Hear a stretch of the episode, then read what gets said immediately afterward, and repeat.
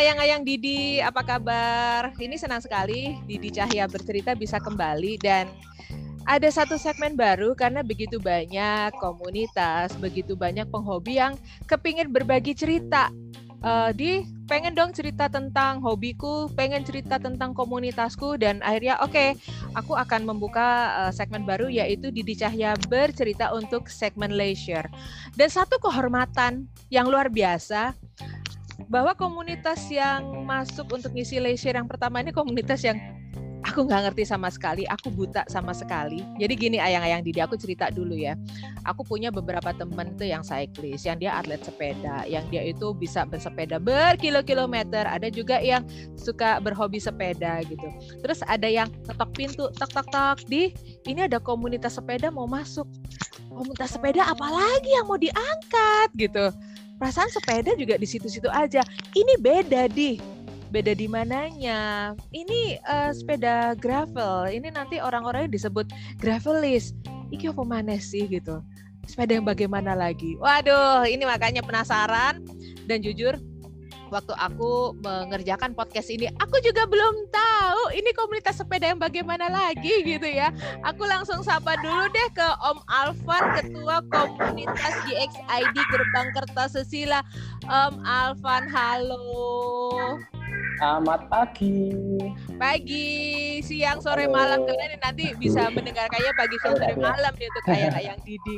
Oh, Dan iya, juga, iya, Uh, uh, aku sapa juga di sini ada woman, istilahnya adalah woman gravelist. Ada Tante Citra, Tante Citra, apa kabar? Halo, semangat pagi Mbak. Semangat pagi. Aduh cantik banget. Ya, Ini waktu layarnya keluar langsung uh, gitu ya.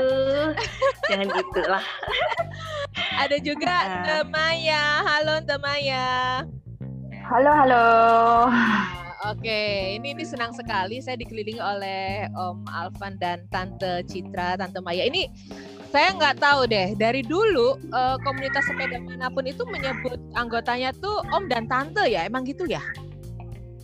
Ya, Apa, biar lebih akrab aja. Biar, biar lebih akrab ya, jadi manggilnya Om. Terus, uh, uh, terus Eh, nggak uh, ada bedanya kan untuk tua muda kalau om tante kan hitungannya sama aja om oh. semuanya om dan tante gitu ya dan, yeah. dan memang lebih asik sih ya kalau manggilnya Om teh gitu ya iya. lebih asik. Nah tapi ini saya ke Om Alvan dulu deh. Ini bener saya saya buta sekali dengan uh, eh, GXID komunitas GXID ini berarti komunitas sepeda apa gravel ya atau apa ini? Gravel. Ceritain dong. Uh, uh GXID itu uh, komunitas sepeda gravel. Jadi kita di sini bertemu uh, karena ya suka dengan sepeda gravel, hobi dengan gravel. Nah, gravel bike sendiri itu kan memang baru, genrenya nah. baru dari di dunia persepedaan. Oke. Okay. Apa sih gravel, sepeda gravel itu apa? Nah itu loh ya. Om, aku bingung. Nah, nah, gravel bike ini menurut saya ya, menurut saya sendiri, jadi sepeda yang bisa dipakai ke mana saja, kecuali terbang. Jadi eh, Nah, ke mana saja itu maksudnya dia bisa dipakai di aspal, bisa dipakai di off-road, kadang juga bisa dipakai uh, masuk air juga. All in one berarti satu sepeda bisa ya. bisa ke mana-mana? Ya seperti itulah. Jadi uh, bisa ke mana saja kecuali terbang, diajak terbang. kecuali dimasukin kargo gitu ya dia bisa ikut ya. terbang dia. Tapi tapi uh, sepeda gravel saya baru tahu itu. Kalau di Indonesia sendiri masuknya sejak kapan sih? Kalau di Indonesia sendiri GXID ini berdiri dua tahun, sudah dua tahun ya. Oke. Okay. Uh, okay.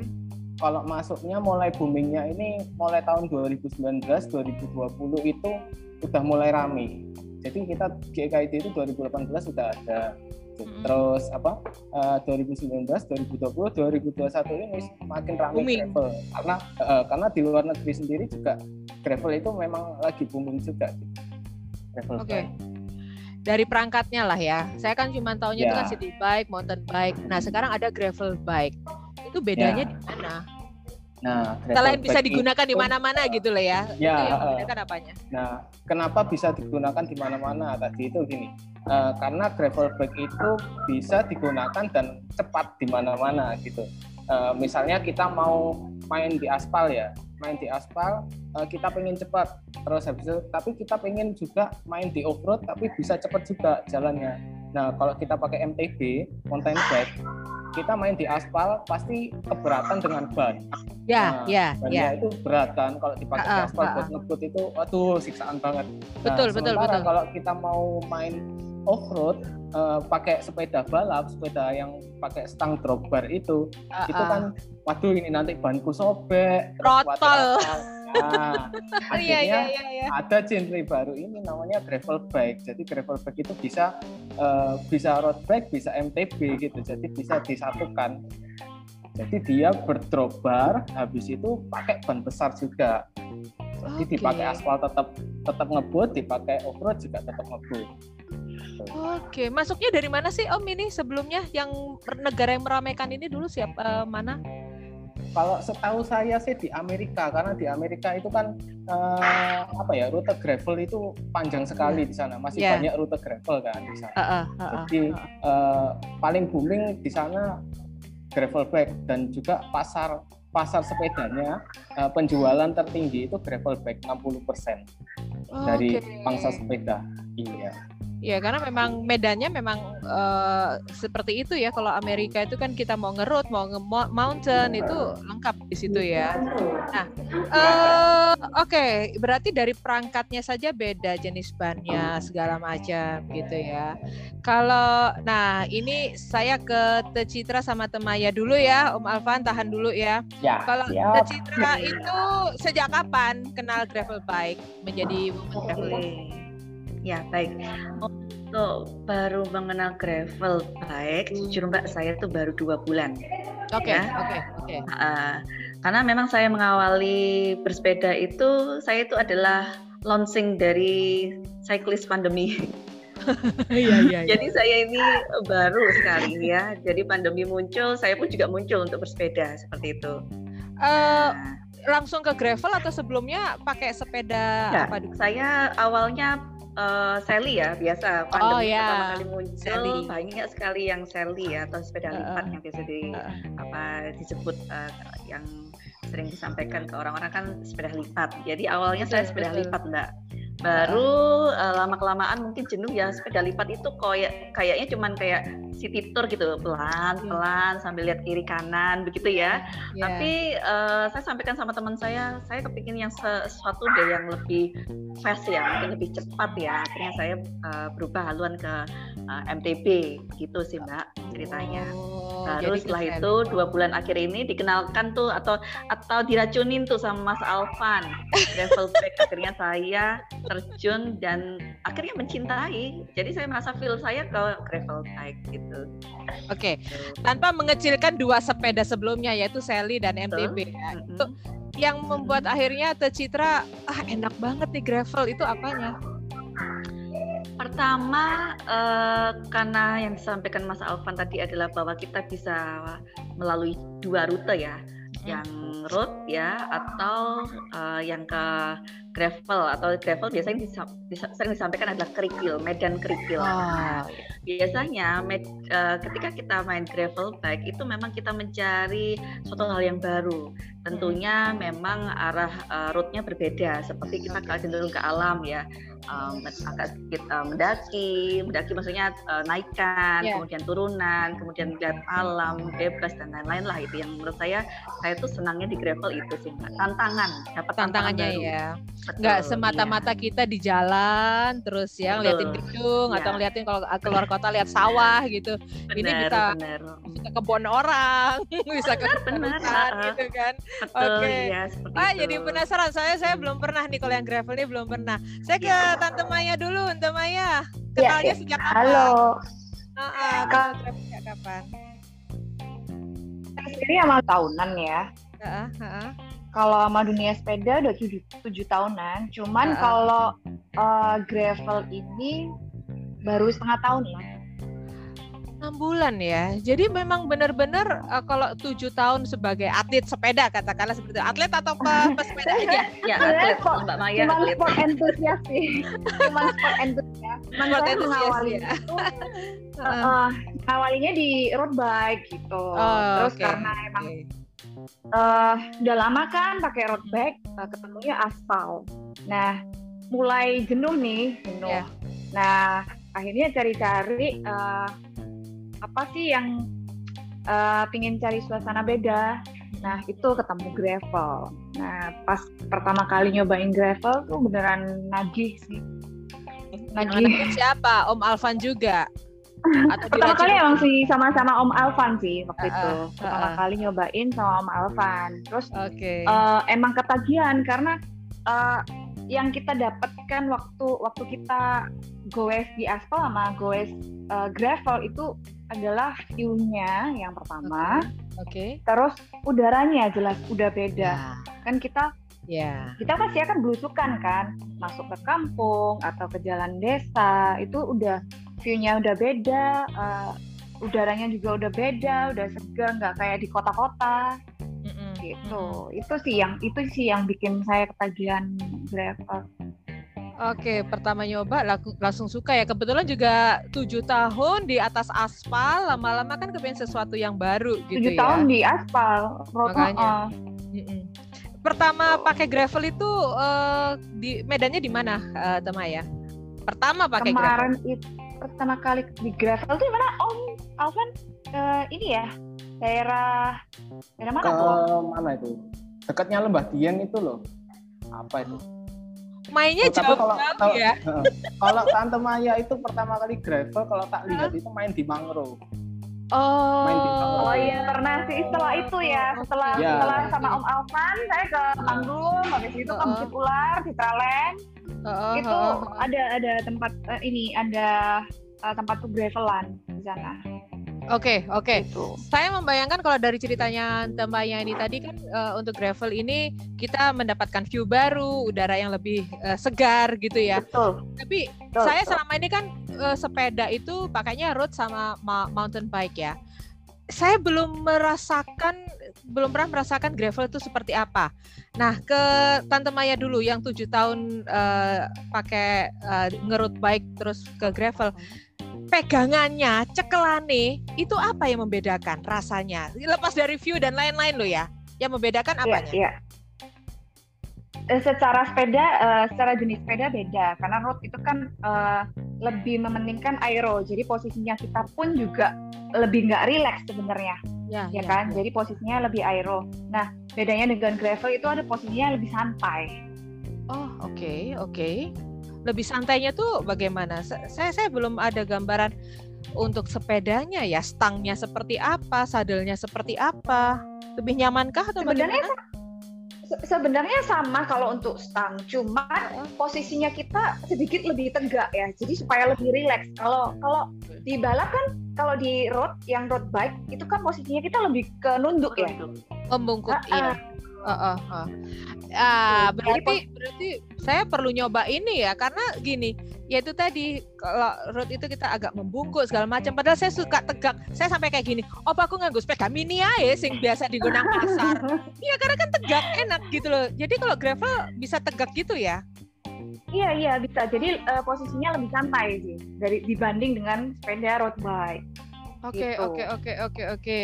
Saya ke Tante Citra dulu. Tante itu kan merasakan dari Sally, mountain bike, terus gravel gitu ya. Nah, secara pegangannya, nah ini kayak Tante Maya juga gitu. Pegangannya yang membedakan, yang bikin lebih nyaman apanya, Tante Citra? Oke, kalau di gravel bike itu memang macam-macam, Mbak. Jenisnya mm -hmm. itu macam-macam. Ada yang pakai drop bar ya, kayak modelnya road bike itu drop bar ya, seperti Aero itu ya. Kemudian ada yang flat bar. Kebetulan saya memang pakai yang flat bar, yang stang lurus aja gitu ya.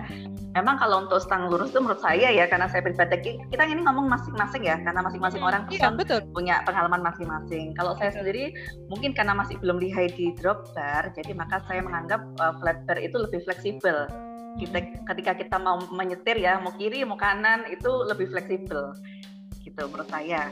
Nah kemudian tangan pun memang seperti yang disampaikan oleh Mbak Maya bahwa kita memang harus fleksibel mungkin. Kalau bisa body language kita semua bergerak Oh, Jadi bagian pinggul, ya lengan, bahu itu semuanya harus uh, lentur. Karena kita ini harus tangan ya, terutama tangan harus menggantikan uh, fungsi dari sepeda itu skok back, uh, skok, skok, skok ya namanya skok. Nah itu. Hmm. Nah, seperti itu Mbak. Jadi harus memang lentur sekali. Jadi kita memang Jadi, memaksimalkan. Seperti kita tuh menyatu dengan sepeda kita gitu ya, nggak Betul, iya. Jadi harus. Ceklongan ya badan kita menyesuaikan. Betul, Pas iya. nanjak badan kita juga menyesuaikan. Oh, kayaknya asik nah. banget ini ya. Ya betul Mbak, memang. Jadi ini memang kalau untuk di gravel bike itu kita harus bisa ini ya, lebih banyak main skill ya. Jadi permainan uh, mengemudi ya, kemudian uh, uh, badan ya badan seperti apa. Nah itu semuanya ya, saya memang harus dilatih. Membayangkan kelenturan menggunakan gravel ini saya saya membayangkan itu. Keren ya kayaknya ya. Oke ke Om Alvan. Om ini kan ketua ya. komunitas JXID Gerbang Kertas Sesila itu sejak kapan? Dua tahunan ini atau Kalau berapa? di dilantik jadi bukan ketua sih sebenarnya koordinator. koordinator. jadi koordinator itu dilantiknya beda ya kemarin. ketua sama koordinator ya. Tidak, kalau ketua kan nanti bisa atur semua. Saya kan hanya mengkoordinir teman-teman. Kalau uh, teman-teman mau ya kita berangkat gitu aja. Uh, siap. Berapa berapa banyak sudah yang gabung, uh, Om? Ini di grup sudah 90 orang. 90 orang? 90 orang. Gerbang Kertasusila ya? Ya. Oke, mayoritas bisa, dari uh, ada yang nggak masuk di grup juga sih. Kira-kira oh. mungkin 100 orangan. Wow. Dalam waktu berapa lama nih mengumpulkan uh, gravel list ini? Kalau yang gerbang Kertasusila ini sebelum saya ini saya dilantik jadi koordinator itu sudah sudah ada satu tahunan. Oke, okay, oke. Okay. Uh, sudah okay. ada satu tahunan kita berkumpul uh, eh, 100 orang dan mereka aktif semua juga di gravel. Oke, okay, oke. Okay. Ini menarik ya. Tapi secara fisik lah ya dengan kondisi sepeda yeah. seperti itu ada persyaratan khusus nggak untuk sepeda gravel ini atau siapa pun bisa menggunakannya dan gabung komunitas, Om? Siapa pun bisa. Jadi uh, Cake ID ini nggak nggak menutup ya jenis sepeda apa aja yang boleh nggak harus pakai drawbar, flat bar atau pakai suspensi terserah. Uh, mau pakai MTB nggak apa-apa. Kita sama-sama belajar gravel gitu. Jadi uh, terserah mau pakai sepeda apa, nikmati dulu rute gravelnya. Nanti lama kelamaan akan beralih ke sepeda gravel. Cara meracunnya begitu. Korbannya sudah ada Tante Citra sama Tante Maya ya. Betul. Betul itu Mbak. Tapi iya menarik. Jadi uh, tadi Tante cerita uh, Tante Citra cerita bahwa kita harus ada liuk-liuknya dengan menggunakan sepeda gravel dan Om Alvan tadi menceritakan ada suspensinya. Itu ya yang membedakan dengan sepeda-sepeda lainnya ya? Uh, uh, gravel bike di yang untuk ini ya uh, perkembangan gravel bike sekarang di pasar internasional itu pa, uh, pabrikan pabrikan itu sekarang malah bikin gravel bike yang ada suspensi dengan travel. Travel itu ketinggian. Ketinggiannya itu ya nggak tinggi tinggi amat seperti MTB yeah. jadi uh, nggak seberapa tinggi dia ada suspensinya tapi pakai flat bar juga. Jadi okay. pabrikan semakin ke sini bikin gravel bike itu bikin seperti MTB. Mm -mm, lah gitu. Tapi sebelumnya gravel bike itu ya sepeda drop bar dengan ban ban besar, ban MTB. Iya, iya, iya, iya. Ya, karena kebayang aja kalau misalnya bawa uh, apa namanya sepeda ini ke gunung ke daerah yang apa ya berat tanpa suspensi ya jadinya protol itu tadi ya uh, untuk menyesuaikan gitu kan. Nah, aku kok jadi rada saru ini pertanyaanku ya. Dibandingkan dengan sepeda-sepeda biasa itu pasarannya berapa gravel bike itu?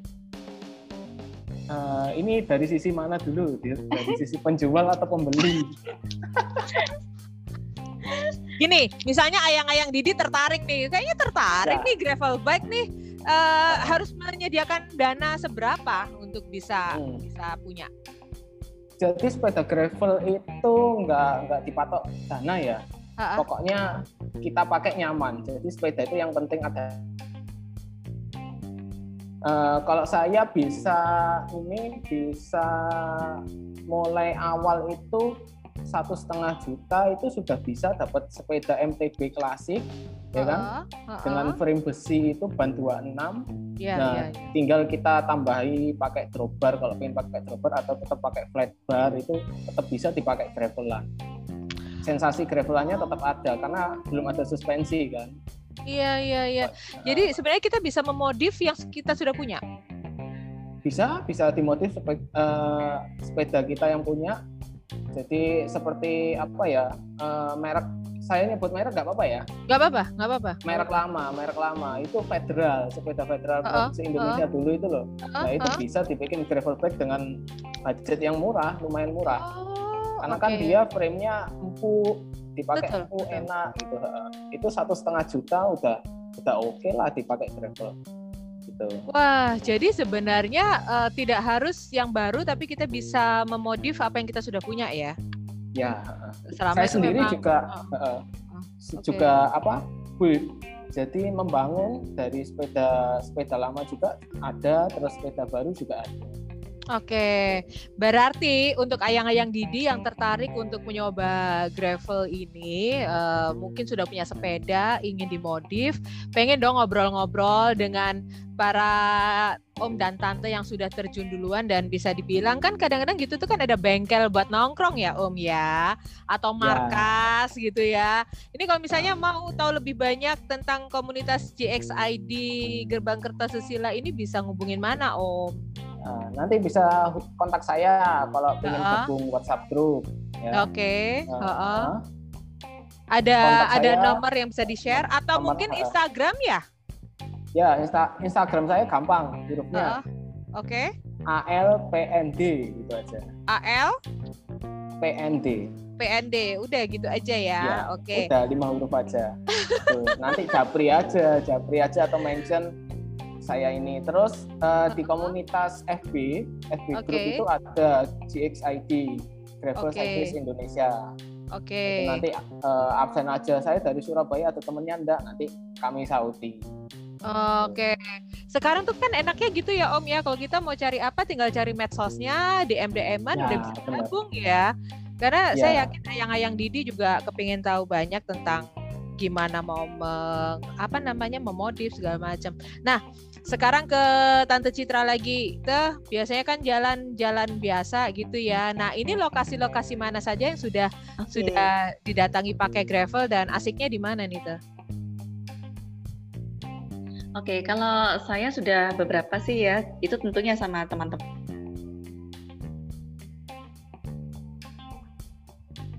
Bisa masih dalam komunitas kami. Uh, yang pertama sih di Kedung Kelura, ya hmm. itu daerah Pacet. Kemudian hmm. yang kedua juga masih sekitar Pacet ya. Kemudian yang terakhir kemarin kita di Juanda. Nah itu, jadi daerah Tambak Mbak.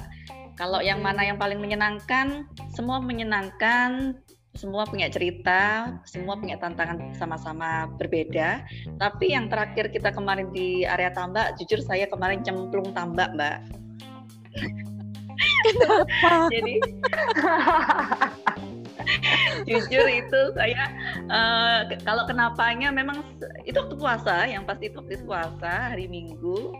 Mungkin baru beberapa hari puasa ya, hari puasa ya jadi kita memang uh, judulnya ngabuburit ya. Hmm. Jadi ngabuburit, maka kita tujuannya nggak jauh-jauh, nggak harus keluar kota.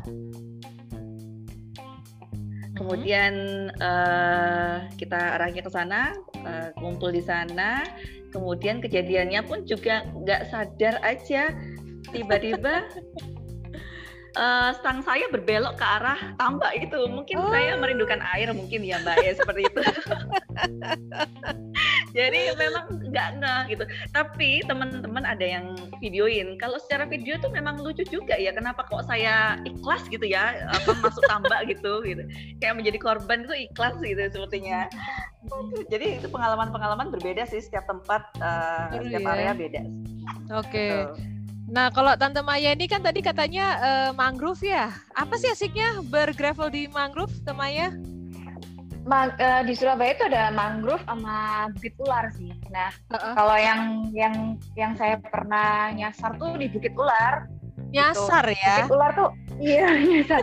kan memang, uh, jadi memang kan hobinya kalau gravelan tuh belusukan ya, belusukan. Hmm. Jadi nggak tahu di depan itu ada jalan ada jalannya lagi atau jalan buntu yang penting kita jalanin aja kalau buntu ya putar balik gitu hmm. nah serunya serunya gravelan tuh ya itu kalau nyasar kalau pas oh, nggak iya. ketemu nggak ada jalan itu kita kan uh, cari-cari jalan yang bisa bisa uh, apa menemukan view yang beda gitu. Padahal kan di Bukit Ular tuh di Surabaya. Cuman uh, kalau udah masuk sana tuh kayak bukan di Surabaya.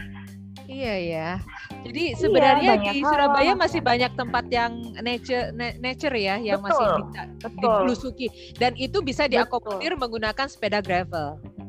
Yes. yes, betul. Jadi penasaran juga. Asli penasaran karena Benar ya waktu itu sempat bingung juga ini beli sepeda apa ya? Ntar kalau beli yang sepeda yang kota nggak bisa dipakai blusukan tapi kalau beli yang blusukan di, di kota nggak enak gitu kan ternyata ada yang namanya sepeda gravel. Gravel iya. Oke baik. Ini uh, untuk closing uh, statement ini dari Temaya dulu untuk ayang-ayang Didi apa yang bisa disampaikan terkait dengan sepeda uh, menjadi gravelis ini? Monggo Temaya uh, memang uh, gravel itu emang berbeda sekali sih dengan sepeda uh, road bike atau sepeda lainnya. Begitu kita udah gravelan, mm-hmm. itu kita akan menemukan suasana yang berbeda, view yang berbeda, uh, udara yang berbeda. Itu beneran seru dan nagih. Seru nggak, ya. Nggak usah mikirin, eh, nggak usah mikirin. Maksudnya gini, yang penting kita sepedahannya bukan apa, bukan apa sepedanya. Jadi yang penting kita sepedahan dulu. Oh, itu yang penting kita bersepeda dulu lah, gerak dulu lah ya. ya. Nanti kan lama-lama juga jatuh cinta sama uh, sepeda gravel. Oke, okay. Tante Citra untuk closing okay. statementnya silakan. Oke, okay, kalau saya sih begini Mbak, jangan takut untuk mau join uh, di sini ya untuk berge bergravel sama-sama. Intinya kita di sini tidak ada mana yang sehat, mana yang lebih baik, mana yang lebih kuat. Kita sama-sama. Jadi intinya yuk uh, goy sama-sama, kita nikmati sama-sama kita uh, siap terima tantangannya gitu mbak Wah. untuk bisa menikmati gravel bike. Seru, seru, seru. Oke, Om Alvan, ini sebelum ke closing statement gitu ya. Sekali lagi, kalau misalnya ini kira-kira mau lokasi mana lagi nih yang sama komunitas mau didatangi nih Om?